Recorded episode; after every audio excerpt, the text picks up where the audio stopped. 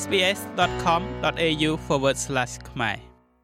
ការជ្រើសរើសប្រព័ន្ធម៉ាស៊ីនកម្ដៅដែលត្រឹមត្រូវសម្រាប់ផ្ទះរបស់លោកអ្នកវានឹងកាន់តែងាយស្រួលនៅពេលដែលអ្នកដឹងពីការផ្ដល់ជូនទាំងនេះហើយប្រសិនបើអ្នកមិនអាចផ្លាស់ប្ដូរប្រព័ន្ធដែលបានដំឡើងរួចហើយទេនោះនៅមានវិធីមួយចំនួនដែលអាចធ្វើឲ្យប្រសើរឡើងចំពោះធម៌ពលនិងប្រសិទ្ធភាពចំណាយ វាផ្ទុយពីជំនឿដ៏ពេញនិយមមួយដែលនិយាយថាវាមិនមានពន្លឺថ្ងៃនិងភាពកក់ក្ដៅពេញមួយឆ្នាំនោះទេប៉ុន្តែនៅពេលដែលនិយាយអំពីប្រព័ន្ធកម្ដៅផ្ទះសម្បែងនៅក្នុងប្រទេសអូស្ត្រាលី ជាទូទៅមានភាពខ្វះខាត ជាងផ្ទះសម្បែងនៅអត្តកូលខាងជើងបណ្ឌិត Svin Teske ដែលមានដើមកំណើតនៅប្រទេសអាល្លឺម៉ង់ ជាសាស្ត្រាចារ្យរងនិងជានាយកស្រាវជ្រាវ នៅវិទ្យាស្ថានសម្រាប់អនាគតប្រកបដោយនិរន្តរភាពនៃសាកលវិទ្យាល័យបច្ចេកវិទ្យា Sydney ប្រាប់ពីបទពិសោធន៍កាលពីដំបូងដំបូងរបស់លោក I have to say I'm coming from a very cold country ខ្ញុំត្រូវតែនិយាយថាខ្ញុំមកពីប្រទេសដែលមានអាកាសធាតុត្រជាក់ខ្លាំងប៉ុន្តែនៅក្នុងផ្ទះខ្ញុំមិនដែលត្រជាក់ខ្លាំងបែបនេះ ដូចនៅក្នុងប្រទេសអូស្ត្រាលីទេព្រោះថានៅទីនេះមិនមានការដំឡើងប្រព័ន្ធម៉ាស៊ីនកម្ដៅហើយហេតុផលមួយក្នុងចំណោមហេតុផលនោះគឺប្រហែលជារយៈពេលដែលត្រូវប្រើម៉ាស៊ីនកម្ដៅគឺខ្លីណាស់វាគ្រាន់តែយ៉ាងច្រើន3ខែប៉ុណ្ណោះខណៈដែលរយៈពេលដែលត្រូវប្រើម៉ាស៊ីនកម្ដៅនៅអឺរ៉ុបជាទីដែលខ្ញុំមកនោះគឺចន្លោះពី8ទៅ9ខែដូច្នេះភាពចាំបាច់នៃការអនុវត្តប្រព័ន្ធកម្ដៅគឺពិតជាមិនចាំបាច់ខ្លាំងនោះទេ នេះពន្យល់ពីមូលហេតុដែលការដាក់ម៉ាស៊ីនកម្ដៅរួមឬហៅថា central heating មិនមែនជារឿងសាមញ្ញទូទៅនៅក្នុងប្រទេសអូស្ត្រាលីនោះទេនេះបើយោងទៅតាមលោក Chris Barnes អ្នកជំនាញប្រព័ន្ធម៉ាស៊ីនកម្ដៅនៅក្នុងផ្ទះនៃក្រុមតស៊ូមតិអ្នកប្រើប្រាស់ Choice ប៉ុន្តែវានៅតែពេញនិយមក្នុងចំណោមអ្នកដែលចូលចិត្តបើកកម្ដៅផ្ទះទាំងមូល So central heating I don't think ដូច្នេះប្រព័ន្ធម៉ាស៊ីនកម្ដៅរួមឬក៏ central heating ខ្ញុំមិនគិតថានៅក្នុងប្រទេសអូស្ត្រាលីមានប្រើប្រាស់ច្រើនដោយនៅផ្នែកផ្សេងទៀតនៅពិភពលោកនោះទេនៅពេលដែលយើងគិតពីប្រព័ន្ធម៉ាស៊ីនកម្ដៅរួមនោះជាពាក្យដែលគ្របដណ្ដប់ទាំងអស់វាគ្របដណ្ដប់លើចំណុចផ្សេងផ្សេងគ្នាមួយចំនួនដូច្នេះប្រព័ន្ធតបំពង់នៅទូទាំងផ្ទះ ducted system គឺជាទម្រង់នៃ central heating អ្នកក៏អាចមានម៉ាស៊ីនកម្ដៅនៅក្នុងផ្ទះឬក៏តាមរយៈវិទ្យុសកម្មម៉ាស៊ីនកម្ដៅ hydronic ហើយជាក់ស្ដែងប្រសិនបើអ្នកចង់ធ្វើឲ្យផ្ទះទាំងមូលមានភាពកក់ក្ដៅប្រភេទនៃប្រព័ន្ធម៉ាស៊ីនកម្ដៅរួមឬក៏ central heating គឺជាវិធីដ៏ល្អមួយផ្ទុយទៅវិញបើនិយាយពីការចំណាយលោកនិយាយថាប្រព័ន្ធម៉ាស៊ីនកម្ដៅរួមឬក៏ central heating នេះអាចថាមានប្រសិទ្ធភាពនៅក្នុងការចំណាយ តិចជាងការដំឡើងម៉ាស៊ីនកម្ដៅមួយមួយដាច់ដាច់ពីគ្នាឬហៅថា split system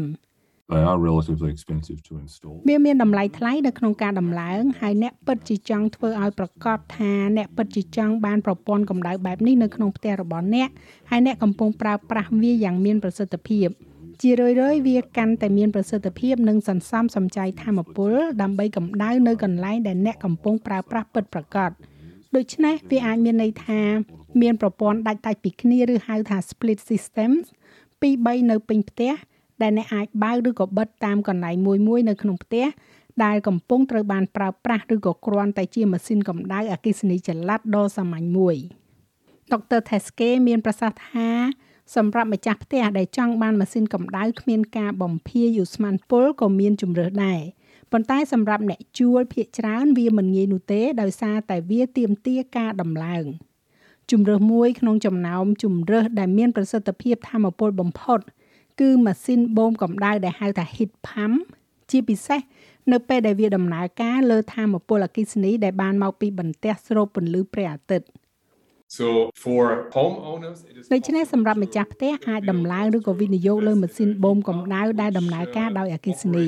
នោះជាមធ្យោបាយដ៏មានប្រសិទ្ធភាពបំផុតប្រសិនបើអ្នកកម្ដៅដោយអគ្គិសនីដើម្បីកម្ដៅផ្ទះរបស់អ្នកហើយអគ្គិសនីអាចយកមកពីពន្លឺព្រះអាទិត្យឬក៏បន្ទះសូឡាដូច្នេះជាមូលដ្ឋានកម្ដៅប្រភេទនេះគឺគ្មានការបំភាយឧស្ម័នទាល់តែសោះ បណ្ឌិត Teske និយាយថាការគិតគូរអំពីបរិស្ថាន ជាមួយនឹងការកម្ដៅផ្ទះរបស់អ្នកគឺល្អសម្រាប់ការចំណាយរបស់អ្នកក្នុងរយៈពេលវែងផងដែរ The electricity for the heat pumps អគ្គិសនីប្រើសម្រាប់ម៉ាស៊ីនបូមកម្ដៅគួរតែផលិតឡើងដោយបន្ទះស្រូបពន្លឺព្រះអាទិត្យនោះមានគុណសម្បត្តិជាច្រើន ទី1ម្ចាស់ផ្ទះពិតជាអាចផលិតអគិសនីដោយខ្លួនឯងបានដូច្នេះហើយ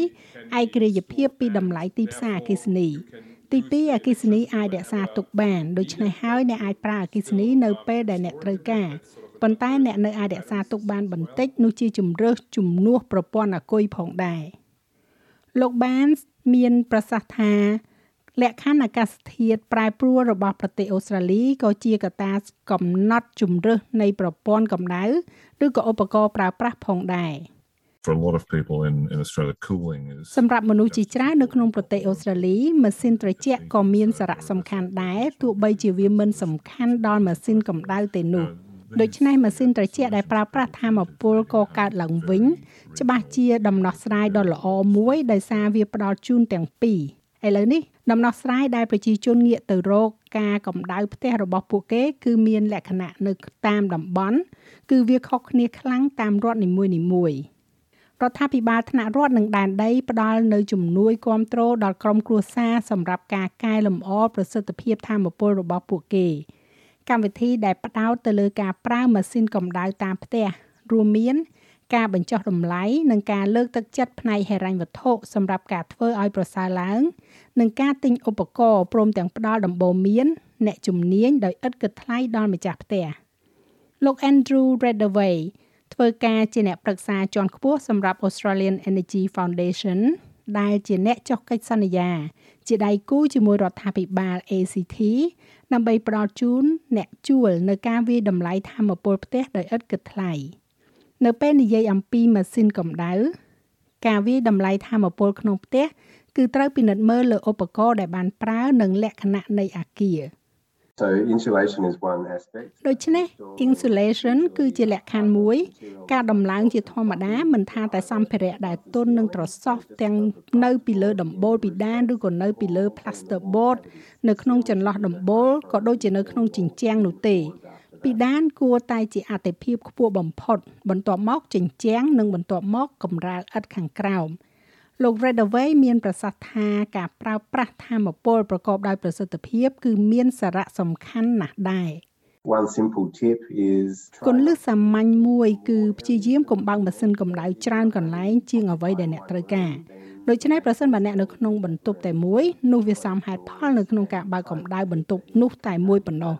ដូច្នេះអ្នកអាចបិទទ្វារហើយព្យាយាមរក្សាកម្ដៅនោះ គន្លឹះមួយទៀតគឺគ្រាន់តែបើកកម្ដៅតាមដែលអ្នកត្រូវការសម្រាប់ផាសុកភាពសុខភាពនិងសុវត្ថិភាពប្រសិនបើអ្នកបើកម៉ាស៊ីនកម្ដៅរបស់អ្នកខ្ពស់ពេកដើម្បីធ្វើឲ្យបន្ទប់ក្ដៅខ្លាំងនោះនឹងមានការកើនឡើងយ៉ាងខ្លាំងនៅវិក័យប័ត្រធម្មពលរបស់អ្នកលោក Redaway បន្ថែមទៀតថាមានជំរើសមួយដែលអាចធ្វើបានសម្រាប់មនុស្សគ្រប់គ្នាមិនថាជាម្ចាស់ផ្ទះឬក៏អ្នកជួលផ្ទះគេរស់នៅនោះទេដើម្បីកាត់បន្ថយនៅវិក័យប័ត្រធម្មពលនិងការប្រើប្រាស់ គឺការបិទផ្ចិតចរន្តខ្យល់ចេញចូល draft sealing is one of the most cost effective things. draft ceiling ឬក៏ការបិទផ្ចិតចរន្តខ្យល់ចេញចូល គឺជារឿងមួយដែលមានប្រសិទ្ធភាពបំផុតដែលអ្នកអាចធ្វើបានដើម្បីភាពប្រសើរឡើងនៅក្នុងផ្ទះរបស់អ្នកសម្រាប់ការរក្សាភាពកក់ក្ដៅនៅក្នុងរដូវរងា និងរក្សាភាពត្រជាក់នៅក្នុងរដូវក្ដៅផងដែរ បញ្ហាដែលមានខ្យល់ចេញចូលគឺអ្នកមានខ្យល់ដែលហៀចេញពីក្នុងផ្ទះរបស់អ្នកតាមរយៈស្នាមប្រេះដូចជានៅជុំវិញបង្អួចនិងក្រោមទ្វារនិងកន្លែងផ្សេងទៀតទាំងអស់នេះឧទាហរណ៍ប្រសិនបើអ្នកកំពុងបើកកម្ដៅនៅក្នុងបន្ទប់ទទួលភ្ញៀវរបស់អ្នកនោះមានន័យថាអ្នកកំពុងតែកម្ដៅខ្យល់នៅត្រង់នោះប៉ុន្តែក្រោយមកខ្យល់ដែលកម្ដៅរួចនោះត្រូវបានបាត់បង់ទៅហើយខ្យល់ត្រជាក់ថ្មីបានចូលមក ហើយត្រូវកម្ដៅម្ដងទៀត មិនថាជំរើសប្រព័ន្ធកម្ដៅណាមួយដែលអ្នកជ្រើសរើសនោះទេសវត្ថភាពគួរតែជាកត្តាសំខាន់បំផុតយោងទៅតាមអង្គភាពអគិភ័យនិងការជួយសង្គ្រោះរដ្ឋ New South Wales នៅខែត្រជាក់គេឃើញមានការកើនឡើង10%នៃចំនួនភ្លើងឆេះផ្ទះដោយមានភ្លើងឆេះជាច្រើនចេញមកពីក្នុងបន្ទប់គេងនិងបន្ទប់ទទួលភ្ញៀវដោយសារតែម៉ាស៊ីនកម្ដៅនិងភួយអគ្គិសនី អញ្ញាធរប្រមានកុំឲ្យប្រើប្រាស់ឧបករណ៍កម្ដៅនៅទីខាងក្រៅឬក៏ឧបករណ៍ចម្អិនអាហារដើម្បីបើកកម្ដៅនៅក្នុងផ្ទះរបស់ពួកគេ រួមទាំងចង្ក្រានដែលប្រើធ្យូងឬក៏ LPG ជាប្រភពនៃចំហេះហើយតែងតែត្រូវពិនិត្យមើលការណែនាំរបស់អ្នកផលិតនៅមុនពេលប្រើប្រាស់ចាស់ហើយរបាយការណ៍នេះចងក្រងឡើងដោយ Zoe Tomaidu និងប្រែសម្រួលសម្រាប់ការផ្សាយរបស់ SBS ខ្មែរដោយនាងខ្ញុំហៃសុផារ៉ានីចូលចិត្តអ្វីដែលអ្នកស្ដាប់នេះទេ Subscribe SBS ខ្មែរនៅលើ Podcast Player ដែលលោកអ្នកចូលចិត្ត